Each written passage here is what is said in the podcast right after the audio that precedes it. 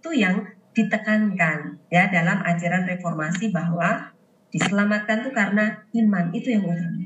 Ada Galileo Galilei gitu ya, yang Iya, iya. karena penemuannya yang tidak sesuai dengan pengajaran gereja dihukum gitu ya. Iya.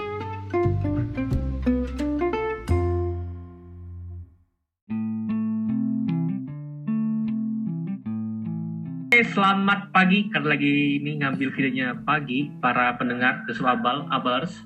Selamat bertemu lagi masih dengan Mas Daniel. Halo Mas Daniel. Halo, selamat pagi karena pagi. Ya, rambutnya Daniel masih klimis ya, kelihatan ya. Masih Pakai minyak rambut. klimis. Oh, itu pakai minyak rambut sekarang ya. Biasanya sih, tapi ini silang lagi enggak. Tapi masih Oh. membekas. Ya, jadi eh, hari ini saya sama Mas Daniel akan diskusi terkait dengan ajaran Kristen Protestan. Kalau kemarin kita sempat mendatangkan seorang Bante, Bante nanti mungkin ke depannya a- ada Bante, ada Romo. Sekarang kita datang kedatangan pendeta. Jadi kita mau bahas diskusi soal gereja Kristen Protestan. Selamat datang Ibu EF Dr. Kristiana Fitriani MTH. Halo Bu, selamat pagi. Halo, selamat pagi Mas Dino, Mas Daniel, selamat Eh, semua. Selamat pagi, Bu. Terima kasih sudah mau mampir, sudah mau ngobrol-ngobrol di Sabtu pagi. Biasanya Sabtu atau Minggu sibuk pelayanan nggak Bu di gereja atau gimana Bu? Ya biasanya persiapan-persiapan sama karena hari Oh. libur hari libur kampus toh. Oh iya, oh berarti ngajar juga ya Bu ya? Ya, Kalian jadi pendeta ya? Ya dailynya ngajar ya. Kampusnya namanya apa, Bu? STTII ya Sekolah Tinggi Teologi Injili Indonesia Palu. Oh. STII Palu. Ya, Itu para calon pendeta Bu ya, situ semua ya? ya calon pendeta dan calon guru agama Kristen. Hmm, dua ya outputnya. Mm-mm.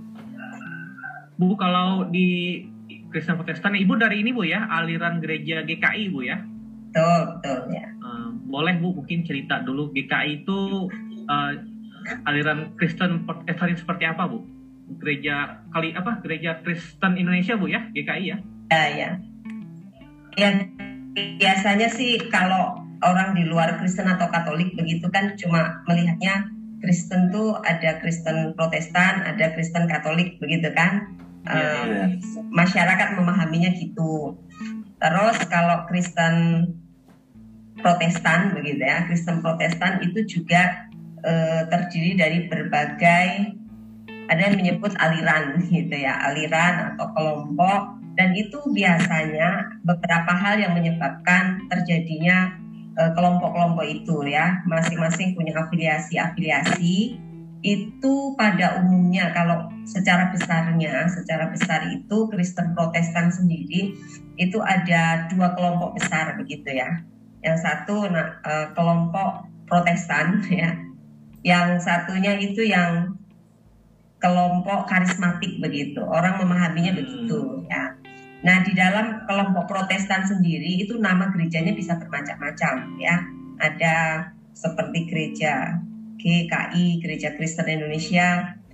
Dan biasanya gereja-gereja Protestan itu lebih banyak memakai nama lokal. Misalnya Hmm. Gereja Kristen Sulawesi Tengah karena itu adalah gereja Protestan yang ada di Sulawesi Tengah. GKJ misalnya begitu kan, Gereja Kristen Jawa.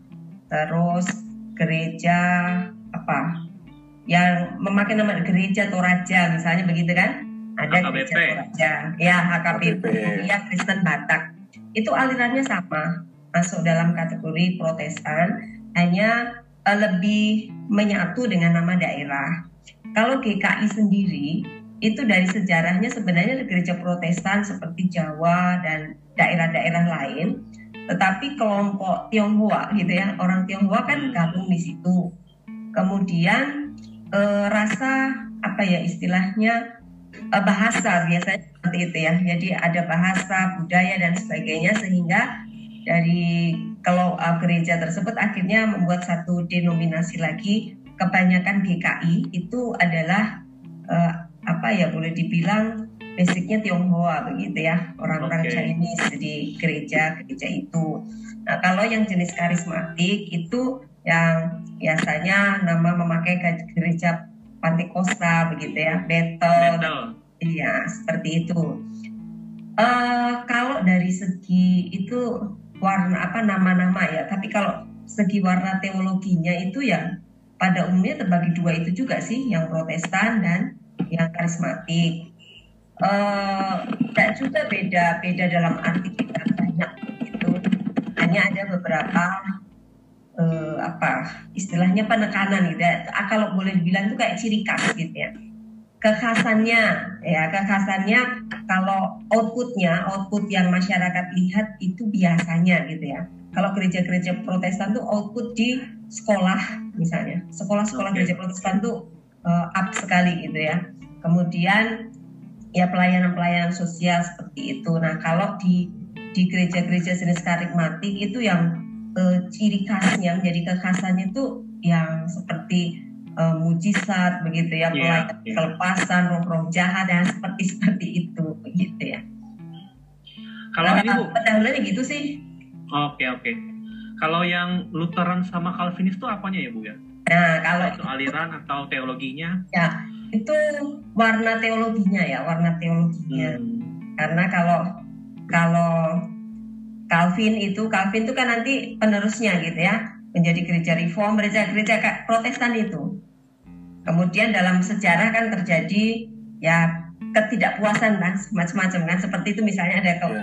ada satu apa eh, satu gere, apa kelompok begitu terus ada ketidakpuasan karena sesuatu maka membuatlah begitu ya eh, apa keluar istilahnya atau mungkin membangun sesuatu sendiri yang eh, ya di didesain dengan istilahnya menjadi kekhasan tersendiri. Makanya ada Lutheran ada Calvinis dan sebagainya. Tapi kalau di itu bicara warna teologinya sih warna teologinya. Sekali lagi semua pada kekhasan gitu ya. Kekhasan Calvin apa kekhasan Lutheran apa begitu ya. Iya. Ini ini menarik karena kalau bahas apa namanya ngomongin soal Protestan itu memang nggak bisa lepas dari sosok Martin Luther ya bu ya. Eh, dulu kan ya memang kita yang tahu ada reformasi mengenai reformasi Protestan, reformasi gereja gitu. Nah, apa yang membuat sebenarnya waktu itu eh, Martin Luther itu membuat membuat apa namanya aliran-aliran yang mencirikan kekhasan daerah atau kekhasan kelompok masing-masing gitu. Sedangkan dulu kan gereja Katolik kan uni, sangat universal gitu kan. Dari dari atas sampai bawah di seluruh dunia sama. Terus apa yang membuat membuat Martin Luther itu eh, menciptakan aliran tapi dengan kekhasan itu kenapa Bu kira-kira Bu? Ya sebenarnya kalau mau lihat itu kita bagusnya sih tidak tidak langsung ke Martin Luthernya, tapi bermula dari gereja mula-mula kan. Gereja Oh. mula-mula itu ya kan bagusnya begitu ya. Gereja Ya, ya. mula-mula itu adalah gereja sesaat setelah Yesus Kristus naik ke surga, begitu kan?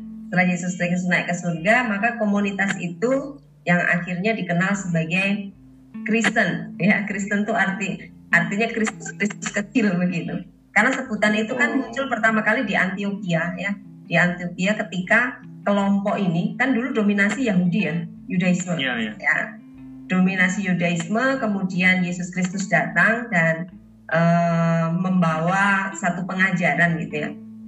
Sebenarnya tidak juga menolak Yudaisme tetapi membenahi gitu ya membenahi praktek-praktek yang yang sudah menyimpang jauh dari apa yang diharapkan dalam kitab-kitab Taurat. Seperti itu di masyarakat.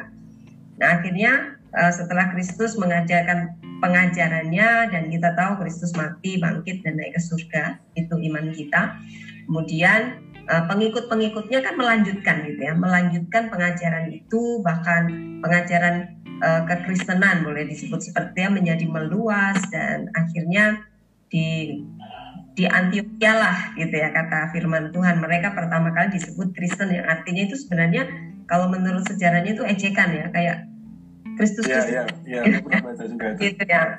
Nah, kemudian dia terus berkembang. Nah, kekristenan sendiri kan munculnya sebenarnya di Asia ya, di wilayah Timur Tengah gitu ya. Semua agama hampir semua wilayah situ ya, mau Muslim mau agama apa pun kan munculnya di wilayah situ. Tapi karena waktu itu dibawa ke Barat ya, ke Eropa, kekristenan kan akhirnya diadopsi ke Eropa dan setelah dari Eropa lah menyebar ke seluruh penjuru dunia. Ke Indonesia juga kan dimulai dari dari itu. Di Eropa sendiri uh, akhirnya di zaman Alexander Agung ya, zaman Alexander Agung gitu ya. Itu kekristenan kan mendominasi seluruh kehidupan masyarakat ya, seluruh aspek. Bahkan ada kalau Mas Daniel sama Mas Junior ingat ada Galileo Galilei gitu ya. Yang yeah, yeah. karena penemuannya yang tidak sesuai dengan pengajaran gereja dihukum gitu ya. Yeah, di nah, ekskomunikasi istilahnya. seperti itu, di ekskomunikasi gitu ya. Yeah. Uh, dominasi gereja kan begitu kuat.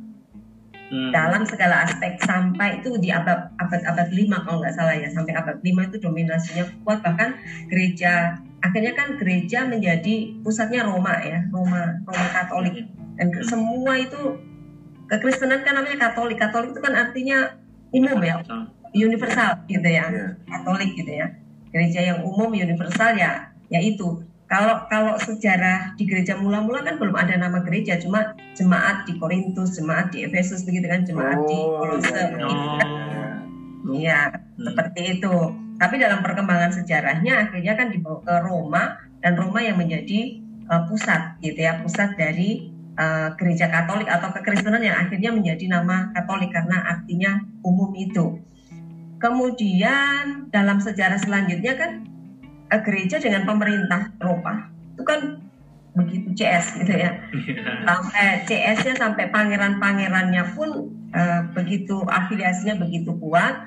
Tapi kan krisis akhirnya terjadi kan sejak zaman uh, boleh dibilang sampai abad pertengahan gitu ya mengalami krisis. Terus ada penyakit apa wabah pes itu ya yang melanda dunia waktu itu 75 juta populasi apa binasa begitu ya Kemudian uh, ada juga perang salib dan krisis mulai terjadi di zaman Renaissance begitu ya. Kebangkitan apa? Kebangkitan abad pencerahan ya. Abad pencerahan gitu ya, pencerahan karena orang sudah mulai protes ke gereja begitu kan karena terlalu dikungkung penemuan-penemuan sains dan semuanya. Mulailah protes itu muncul. Uh, gereja akhirnya dengan pihak pangeran-pangeran Eropa, pemimpin-pemimpin juga hubungannya sudah mulai kurang baik dan gereja mengalami satu krisis ya. Itu sejarah waktu itu. Karena itulah maka ada praktek indulgensia, ya, indulgensia ya, penjualan surat penghapusan dosa. Penghapusan dosa. Surat penghapusan dosa. Nah, surat penghapusan dosa itu kan prakteknya akhirnya ya menjadi apa yang menjadi sangat populer sampai bisa jadi ya bisa jadi ya konsepnya mungkin aslinya it's okay ya konsep asalnya gitu ya tapi dalam yeah. praktek selanjutnya mulai diperjualbelikan dengan uh, begitu bebas sampai ada istilah kamu nggak ikut perang salib perang salib kan dianggap sebagai perang suci ya nggak apa-apa yang penting beli surat ini saudaramu yang udah meninggal dengan beli dosanya surat ini diampuni. dosanya diampuni yeah. Dan itu kan sesuatu yang sudah nggak relevan ya, sudah menyimpang jauh makin menyimpang. Martin Luther itu kan sebenarnya seorang biara juga kan. Iya. Biara yang cerdas karena dia kan sarjana hukum ya, sarjana hukum yang akhirnya di umur 21 memutuskan jadi biara. Hidupnya pun sangat asketis ya, sebagai seorang biarawan dia sangat asketis yang luar biasa pokoknya ya luar biasa tapi melihat penyimpangan-penyimpangan yang dia anggap sebagai penyimpangan doktrinal itu maka dia mulai gitu ya. Kan sebelum pecah ya sebelum pecah pasti kan memulai dengan uh, apa diskusi-diskusi dengan kalau sekarang istilahnya mungkin pemimpin-pemimpin gereja ya apa pausan atau apa gitu ya. Diskusi-diskusi dan akhirnya memang tidak bisa dihindari konflik itu gitu ya. Karena Martin Luther menyuarakan gitu ya. Alkitab nggak ngajarkan gitu misalnya seperti hmm. penjualan itu apa indulgensia dan sebagainya akhirnya uh, ingin pemurnian kan ingin pemurnian ajaran. Makanya namanya reformasi. Kembali ke formasi apa Asli. yang benar gitu ya aslinya gitu ya. Nah akhirnya mungkin karena diskusi mufakat apa apa, apa istilahnya namanya? Musyawarah untuk mufakat gitu ya. Musyawarah untuk mufakat tidak terjadi akhirnya Martin Luther puncaknya kan menempel gitu ya. 95 hmm. dalil di gereja Wittenberg itu dengan poin-poinnya yang intinya kembali ke uh, back to the Bible gitu ya. Kembali ke Alkitab dan akhirnya tidak bisa dielakkan perpecahan tersebut begitu ya. Perpecahan tersebut makanya kelompoknya Martin Luther itulah menjadi cikal bakal gereja Protestan. Walaupun saya tadi ya namanya protes gitu ya Protestan ya. gitu ya nah karena penyebutan itu kelompok Protestan. Walaupun saya sih sangat yakin, walaupun uh, saya nggak mendalami Katolik, saya sangat yakin bahwa setelah Martin Luther mengadakan reformasi, pasti Katolik pun berbenah. Tidak mungkin kan kalau terjadi sesuatu pasti dia akan membenahi bagian-bagian yang memang sempat diprotes habis-habisan begitu ya. Iya iya iya. Sehingga uh, saya yakin bahwa dalam perkembangan selanjutnya uh, Katolik pun terjadi pemurnian dari pemurnian uh, ajaran itu saya sangat yakini itu. Nah perkembangannya kan dari Martin Luther akhirnya uh, muncul ya, kan pasti diteruskan diteruskan penerusnya dan akhirnya berkembanglah menjadi yang tadi ada Lutheran, ada uh, Calvinis. Calvinis ya. Calvin itu kan meneruskan Martin Luther sebenarnya, meneruskan ajarannya gitu ya. Martin Luther udah nggak ada, lanjutlah sama Calvin begitu ya. Ada pembedanya bu antara Calvinis dan Lutheran ajarannya? Kalau Lutheran itu kan karena kelompok yang ke arah mana ya? Saya agak lupa tapi maksudnya eh, kalau Martin Luther itu kan nanti diteruskan sama ajaran uh, maksudnya Lutheran itu sebenarnya ajaran karena Martin Luther ini makanya ya. Lutheran gitu ya Kemudian penerusnya kan Luther, Martin Luther tidak ada, akhirnya diteruskan sama Calvin. Johannes Calvin ini, maka menjadi hmm. Calvinis begitu ya. Warnanya nggak nggak beda sih, karena kan hanya seperti dua tokoh besar begitu. Kalau di Indonesia oh. misalnya gitu ya, eh, kepemimpinannya Pak, Pak Harto misalnya begitu ya, kemudian dilanjutkan dengan apa sekarang Jokowi yang begitu kuat begitu ya. Tapi sebenarnya kalau uh, Luther dengan Calvin itu meneruskan. Hanya Calvin itu penekanannya aja sih. Penekanannya kan lebih pada apa keselamatan anugerah begitu kan? Hmm. seperti itu penekanannya. Lebih kepada keselamatannya yang lebih sangat ditonjolkan oleh Calvin. Keselamatan oleh anugerah itu. Seperti itu. Kalau dari sejarahnya itu terusan gitu ya. Meneruskan. Ya, ya, ya, ya. Oke Bu, kalau ini Bu ya, kalau kita belajar soal Kristen Protestan, terutama yang di apa ya, yang tadi diprotes diprotes oleh Martin Luther kan ada yang terkenal istilahnya sola ya Bu ya. Ya. pernah pernah baca aslinya kan ada lima ya, tapi yang terkenal tuh ada sola fide, sola scriptura, dan sola gracia. Kalau kita mulai dari ini Bu, sola fide mungkin artinya sola fide Iya sebenarnya kak uh, panca pancasola gitu ya pancasola. Pancasola. itu sebenarnya uh, pencetusnya sendiri mungkin sudah bukan bukan Calvin tapi pengikutnya ya pengikut pengikutnya hmm. yang akhirnya merumuskan gitu ya. Seperti uh, contoh ya di Indonesia ini kan ideologi poin-poin dalam Pancasila kan sebenarnya sesuatu yang sudah mendarah daging dalam kehidupan bangsa sebelum Pancasila lahir gitu ya. Yeah. Tapi akhirnya uh, para pemimpin-pemimpin mencetuskan merumuskannya dalam Pancasila termasuk ajaran-ajaran Calvin gitu ya. Itu dirumuskanlah dalam uh, slogan lima sola itu lima sola.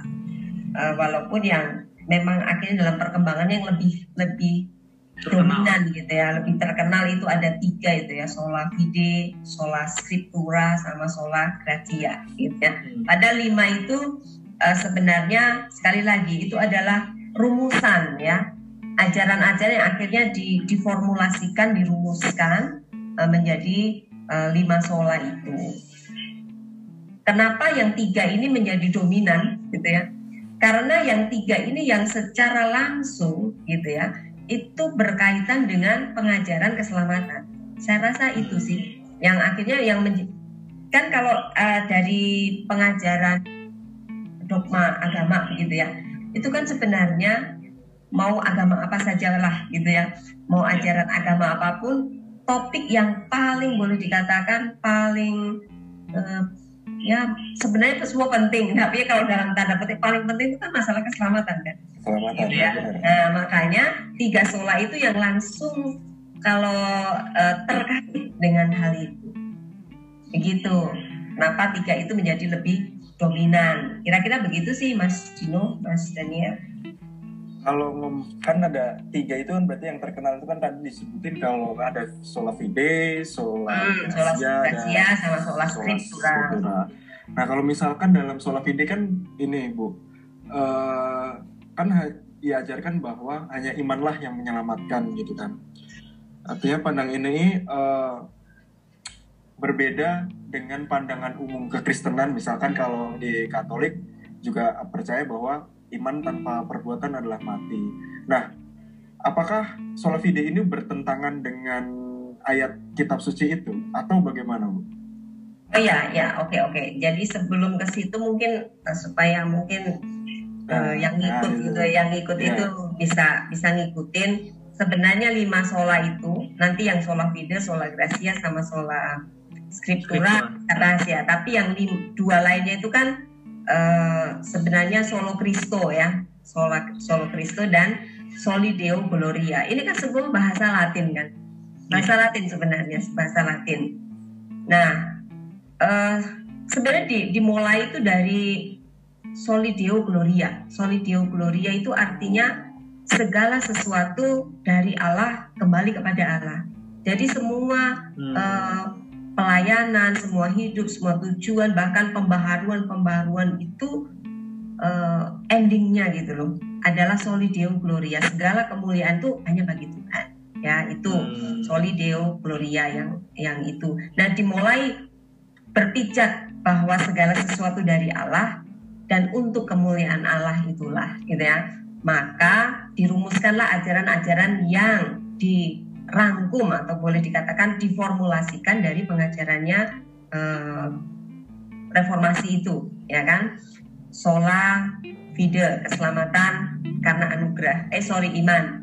Kemudian eh, sola scriptura dulu sebenarnya setelah soli deo gloria sola Scriptura. apa scriptura Scriptura. Nah, dasarnya bahwa Alkitab itu otoritas tertinggi istilahnya ya Hmm. tinggi kemudian sola fide. Sola fide itu eh, keselamatan tuh karena iman. Fide. Fide itu kan kalau bahasa Inggrisnya faith ya. Iman. Hmm. ya seperti itu. Kemudian eh, sola gra gracia. Gracia.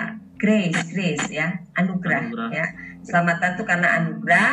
Kemudian solo Kristo itu bahwa ya di atas semuanya itu sebenarnya yang mengerjakan kan Kristus sendiri. Itu dan ya, makanya tiga yang tadi terkenal gitu ya. Sola Hmm. fide sola scriptura dan sola gracia itu karena yang istilahnya langsung terkait dengan persoalan eh, doktrin keselamatan. Tadi Mas Daniel tanya tentang sola fide ya sola fide. Eh, bahwa keselamatan itu karena iman gitu ya karena Ya, iman dan pengajaran itu itu juga didasarkan dari beberapa bagian teks kitab suci yang menjelaskannya ya. Bahwa Hmm. eh, iman dan anugerah itu kan sering dibahas bersamaan gitu ya. Sebab misalnya karena eh, sebab kamu diselamatkan karena iman gitu ya itu bukan hasil usahamu. Itu pemberian Allah misalnya seperti itu. Ada bagian-bagian yang menjelaskan eh, seperti itu. Salah satunya aja deh ya saya mau bacakan gitu ya. Di dalam Efesus ya di surat Efesus 2 misalnya ayatnya yang ke 8 9 oh itu yang sebab karena kasih karunia kamu diselamatkan oleh iman.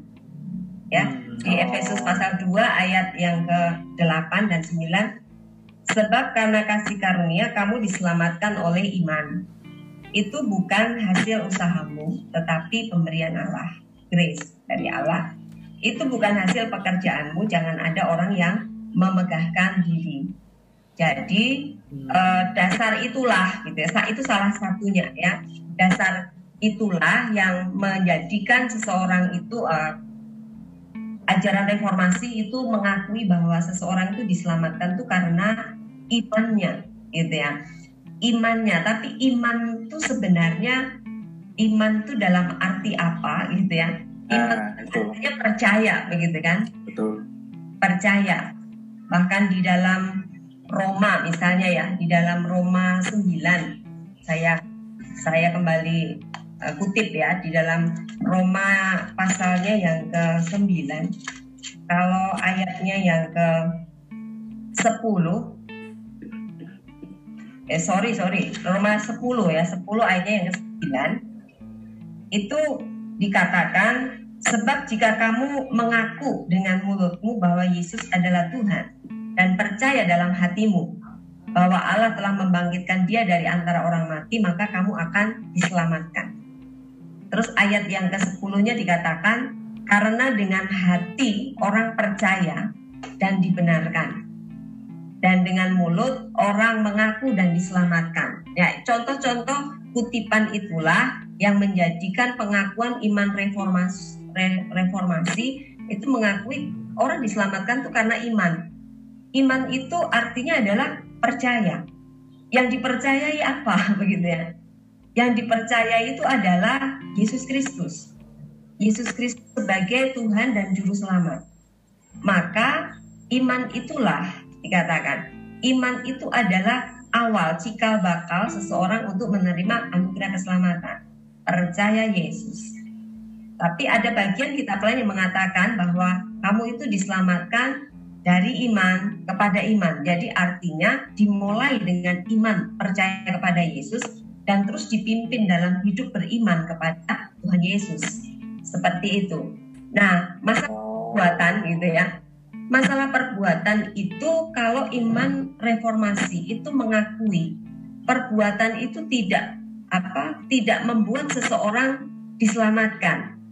Karena kalau tidak beriman pada Yesus gitu ya Hmm. tidak beriman kepada Yesus perbuatan baik apa pun sebaik apa pun itu tidak bisa menyelamatkan seseorang karena kita tidak bisa pungkiri kalau dalam kehidupan setiap hari orang di luar iman Kristen itu perbuatan baiknya kan eh, juga ada.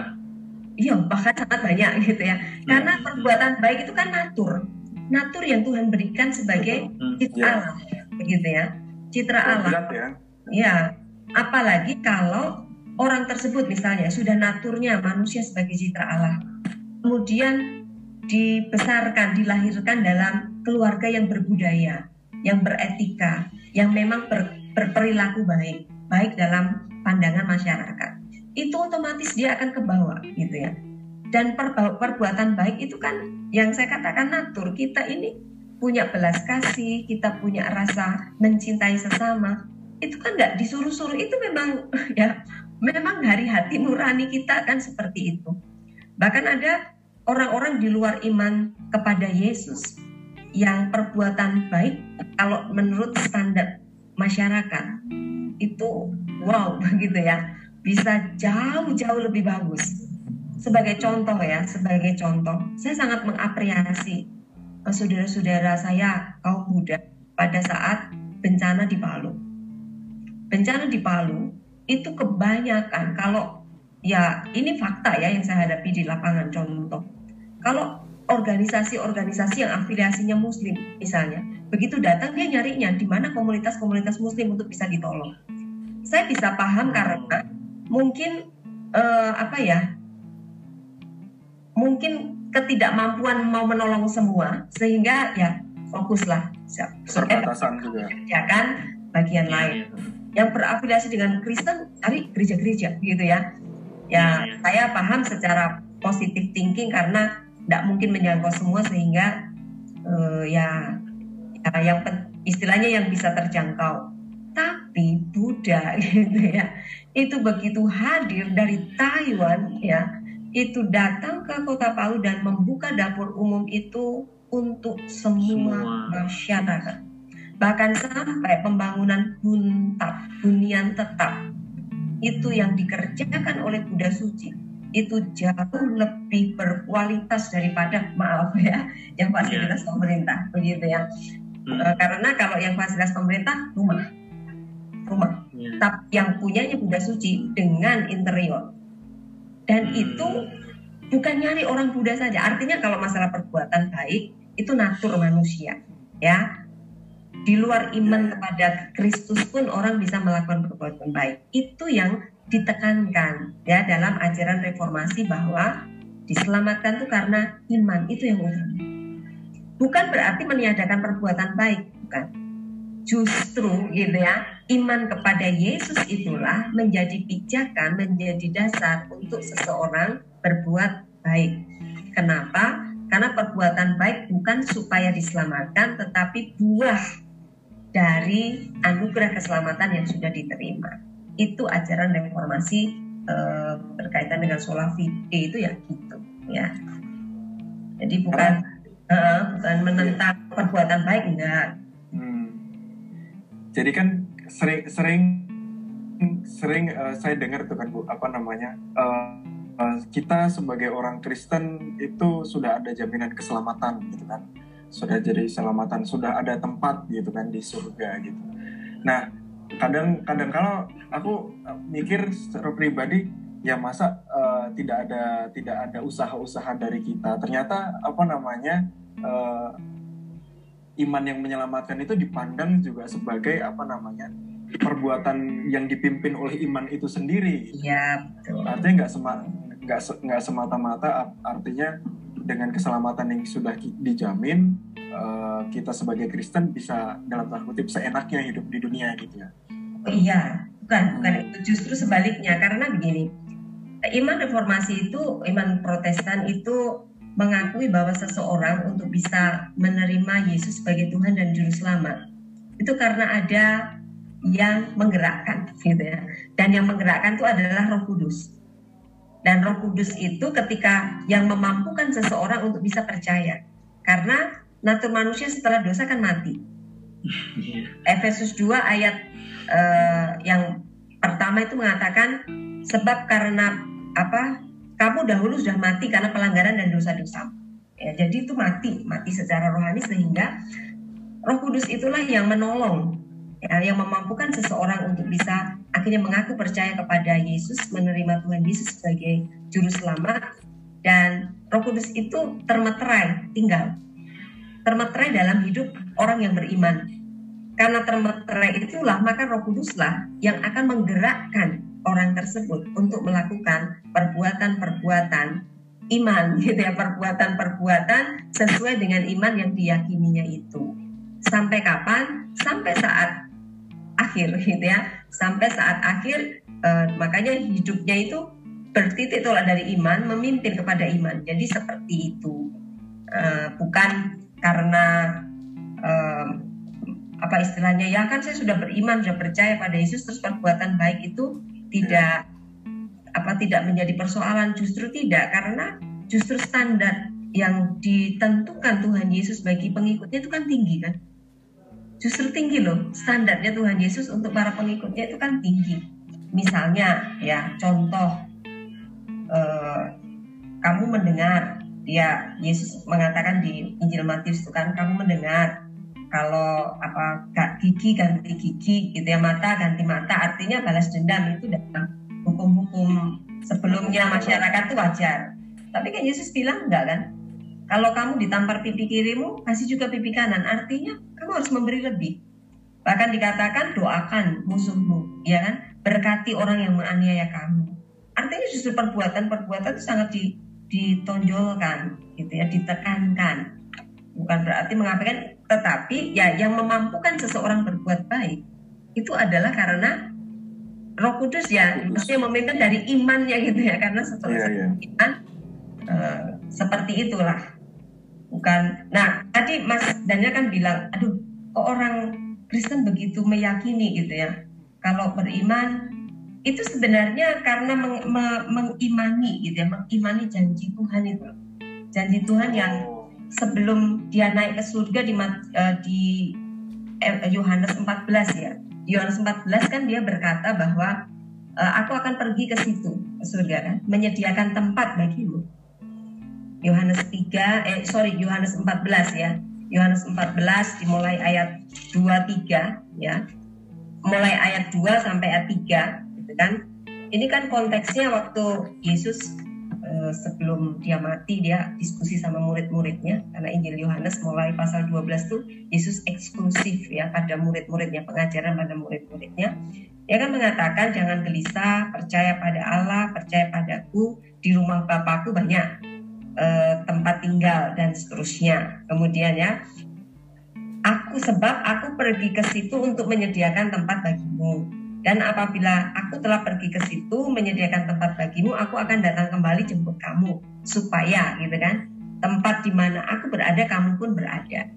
Terus ada lagi jaminan barang siapa percaya kepadaku dia tidak akan dihukum kata Tuhan. Mengimani janji-janji itulah karena Tuhan kan nggak pernah bohong gitu ya.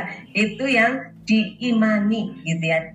Diimani bahwa Ketika seseorang percaya menerima Yesus sebagai Tuhan dan Juru Selamat, yang tentu akan diiringi dengan perbuatan-perbuatan baiknya. Ya, itu dijamin gitu ya, jaminan keselamatan diberikan seperti itu. Ya. Bu, tapi ini pertanyaan ini pertanyaan agak jalan ini. Uh, apakah dosa bisa menghambat keselamatan berarti? Uh, dosa, ya, oh iya, ini pertanyaan sangat menarik ya sebenarnya menghambat seseorang tidak jadi menerima keselamatan itu kalau ya ketidakpercayaannya pada Yesus. Artinya begini, ketika oh, Kristus mati, ya, ketika Kristus mati pengampunan itu diberikan.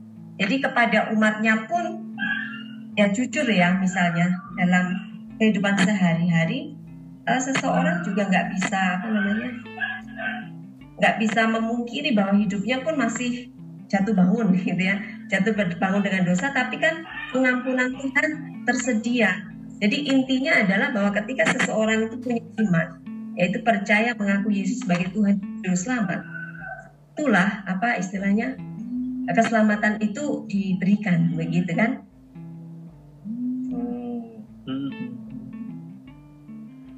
Itu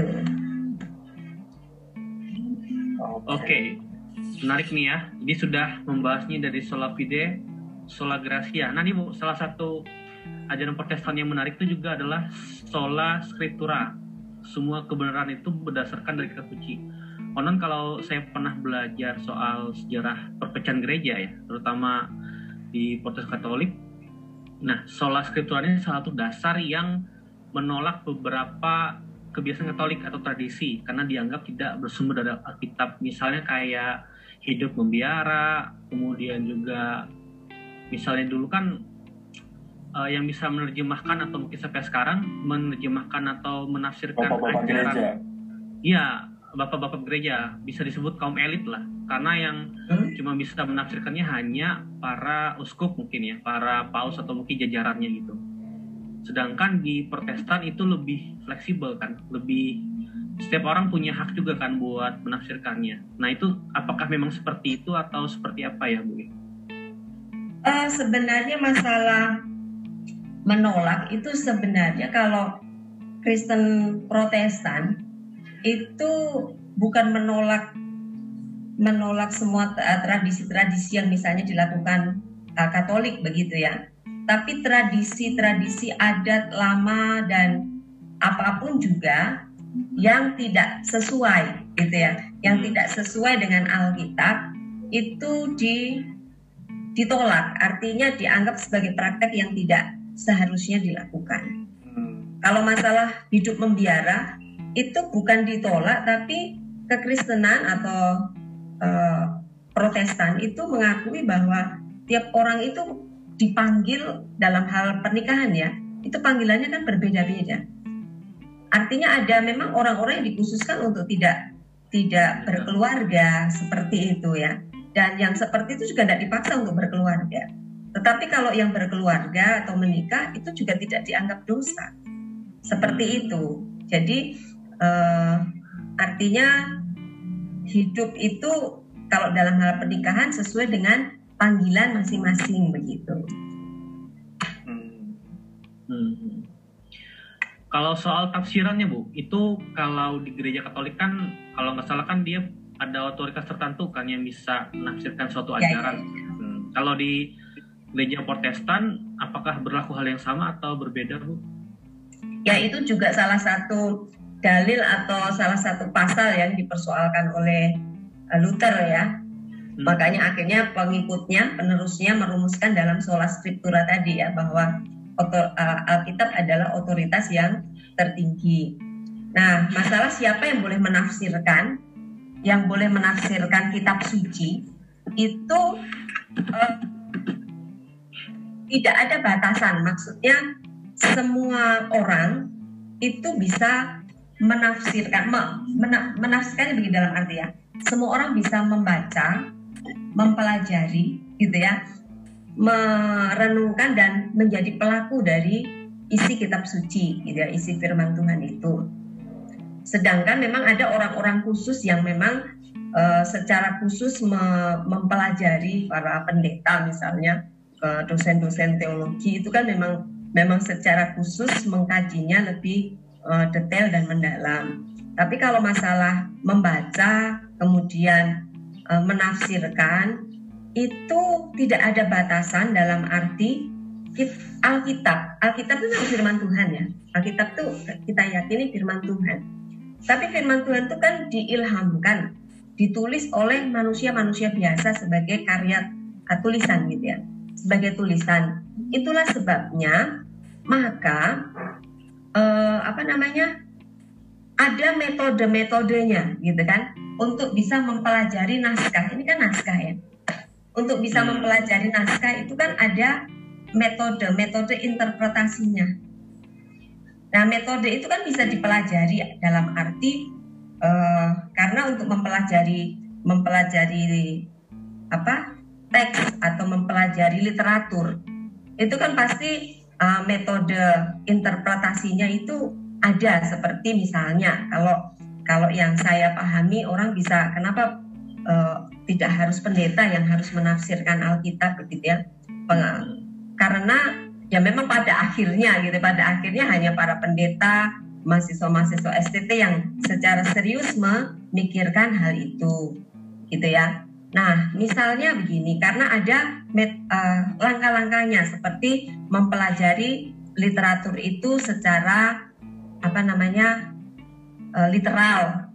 Literalnya apa? Secara konteks waktu. Misalnya Paulus nulis nulis dulu konteksnya gimana? Misalnya Musa ketika nulis kitab Taurat konteksnya apa? penafsir apa metode apa kontekstualnya terus historisnya ya sejarahnya kan dipertimbangkan juga. Kemudian gramatikalnya karena itu kan tulisan. Sehingga gramatikalnya juga perlu di uh, di apa istilahnya? Diperhati gitu ya itulah sebabnya dengan berdasarkan uh, analisa-analisa itulah semua orang sebenarnya kalau memang istilahnya uh, memakai memakai alat-alat bantunya itu dengan tepat. Karena ini literatur pasti bisa dipelajari. Seperti itu. Hanya otoritas gitu ya. Kalau masalah otoritas itu kan bicara tentang doktrin ya kan? Hmm. bicara tentang doktrin itu saya kira uh, kekristenan pun punya namanya pengakuan iman begitu kan? Pengakuan iman yang menjadi dalil dalil gitu ya pengakuan iman reformatoris misalnya menjadi dalil bagi eh, apa namanya eh, seperti itu menjadi dalilnya. Misalnya pengakuan iman yang paling banyak digunakan itu yang disebut atau diberi nama pengakuan iman rasuli ada 12 pengakuan itu kan aku percaya kepada Allah Bapa yang Maha Kuasa ya kalik langit dan bumi ya itu dan kepada Yesus Kristus anaknya yang tunggal dan seterusnya sampai pengakuan iman tentang kehidupan kekal dan sebagainya. Nah itu uh, tidak semua orang bisa merumus uh, apa, me, apa merumuskan ya. Merumuskannya itu sudah ada. Tapi kalau menafsirkan bagian untuk karena kitab suci ini kan bisa bernilai personal juga kan. Bernilai personal itu maksudnya ketika saya gitu ya mempelajari ayat ini, ayat ini pasti kan firman Tuhan yang bicara sesuatu yang khusus buat saya, begitu kan? Itu namanya kan uh, Alkitab yang berbicara secara personal. Itulah sebabnya setiap orang bisa membaca dan uh, mempelajari serta melakukannya. Tapi kan setiap orang Kristen sendiri pasti kan sudah diajar gitu ya. diajar tentang istilahnya doktrin-doktrin uh, apa dasar begitu ya doktrin-doktrin dasar contoh misalnya Yesus adalah Tuhan itu doktrin dasar jadi ketika membaca Alkitab ini hanya semakin diyakinkan bahwa bukti-bukti Alkitab mengatakan Yesus adalah Tuhan. Seperti itu.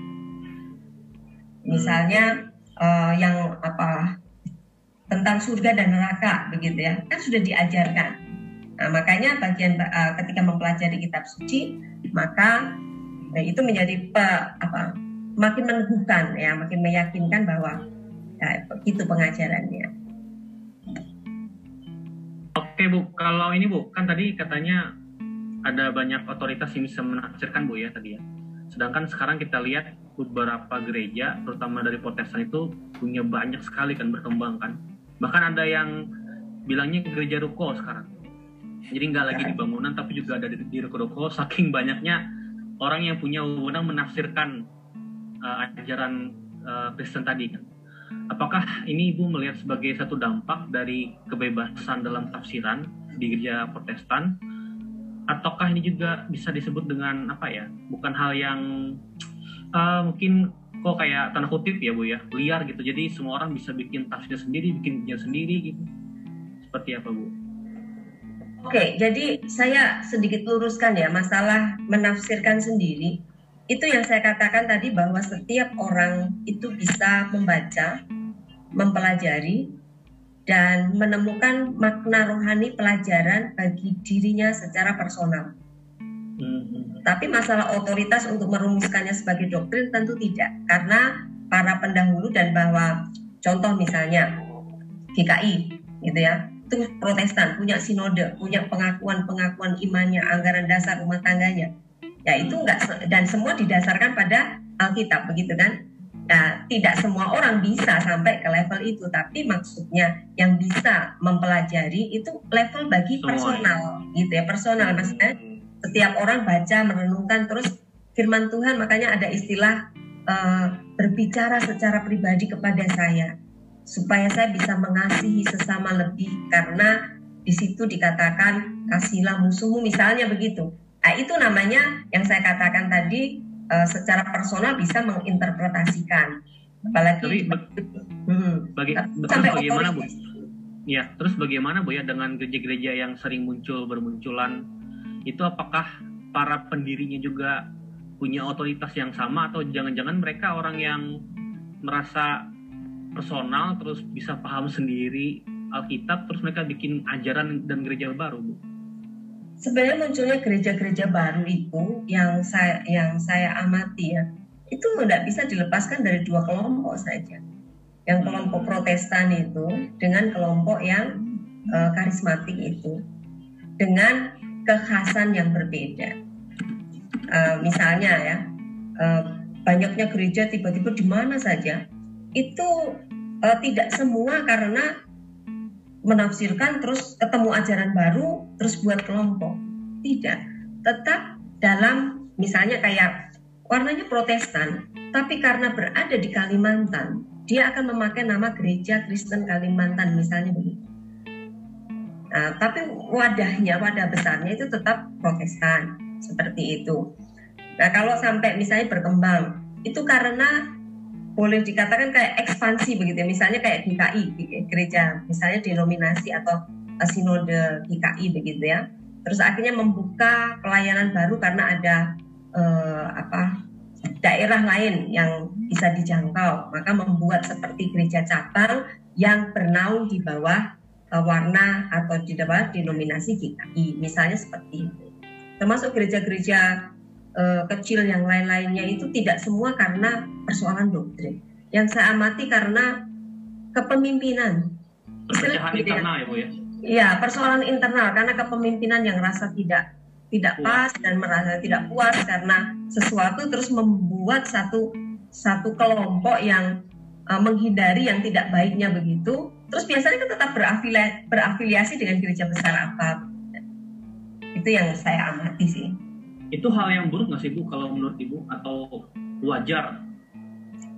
Uh, bisa dua-duanya. Artinya buruk itu karena kalau motivasinya adalah karena misalnya ketidakpuasan pemberontakan begitu ya atau Oh. materi ya atau hal-hal yang lain. tapi tidak buruknya dalam arti begini ya wilayah gitu ya wilayah penjangkauannya Oh, itu apa istilahnya karena kan kita punya mandat ya Tuhan kasih kita mandat. Pergi ke seluruh bumi jadikan semua muridku Bangsa. begitu ya. Semua bangsa muridku. Makanya melalui ekspansi yang seperti itu itu bisa dalam tanda petik dipercepat begitu ya.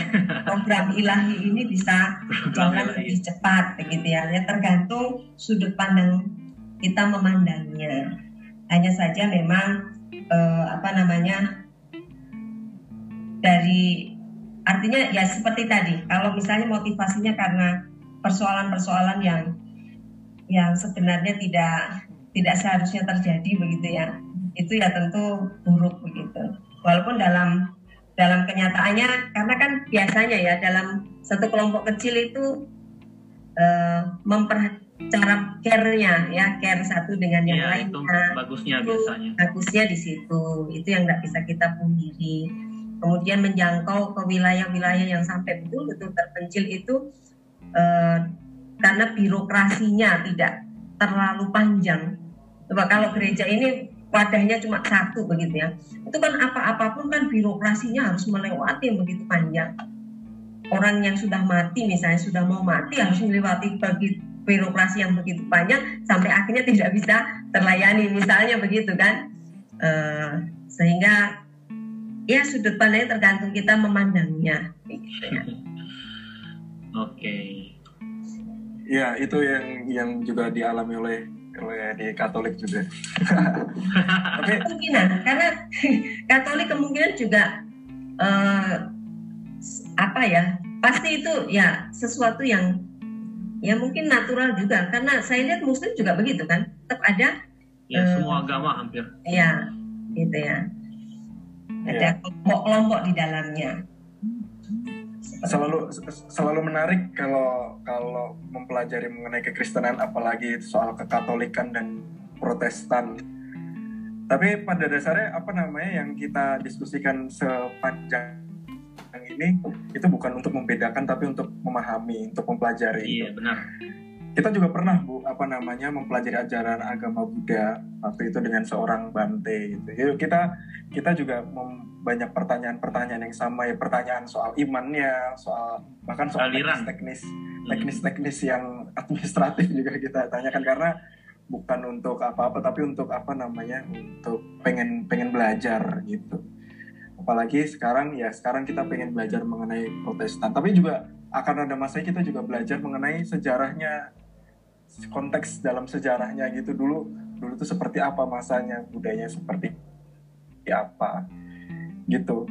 Jadi eh, kalau misalkan tadi bilang Katolik apa ada perubahan ya tentu masa reformasi reformasi gereja itu membuat banyak perubahan baik di Protestan maupun di Katolik. Katolik dengan ada Ordo konsili. Vatikan kedua, Konsili Trente itu besar-besaran melakukan perubahan, lalu Martin Luther, lalu juga itu juga melakukan reformasi dengan walaupun itu masa-masa itu masa-masa berdarah ya, berdarah-darah. Ada apa namanya? Ada pembantaian di mana-mana. Tapi itu masa-masa kelam dulu yang sekarang mungkin sekarang sudah jauh untuk ditinggalkan. Terima kasih Bu Kristiana Fitriani atas Terima kasih Bu Ani. pelajarannya yang begitu yang begitu panjang pasti cap lelah ya bu ya. Enggak sih biasa. Biasa. Bisa dua jam tiga jam sekali kuliah ya. betul betul betul. Kami kami terlalu banyak mungkin banyak banyak pertanyaan-pertanyaan kepo ya sifatnya bu ya. Ya, tapi memang harus harus diciptakan seperti itu. Karena bagaimanapun kan kita hidup di dunia yang plural ya, yang apalagi konteks Indonesia harus ada dialog, kemudian komunikasi. Karena prinsipnya tak kenal maka tak sayang itu kan Iya, iya. tetap ada gitu ya. betul Untuk kita lebih betul. bertoleransi dan memahami itu ya harus kenal. Saya rasa seperti itu. ya karena kecurigaan itu biasanya juga dilahirkan karena ketidaktahu atau ketidakmau tahuan ya kan nah itu yang sering menimbulkan perpecahan oke terima kasih bang Dino terima kasih Bu Kristiana Fitriani spesial untuk ibu uh, sudah menem, sudah meluangkan waktu di hari Sabtu yang enjoy ini yang harusnya bisa enjoy. Terima kasih Bu. Terima kasih pendengar kasih. Pulso kita kembali ke episode selanjutnya. Terima Oke, kasih. terima kasih.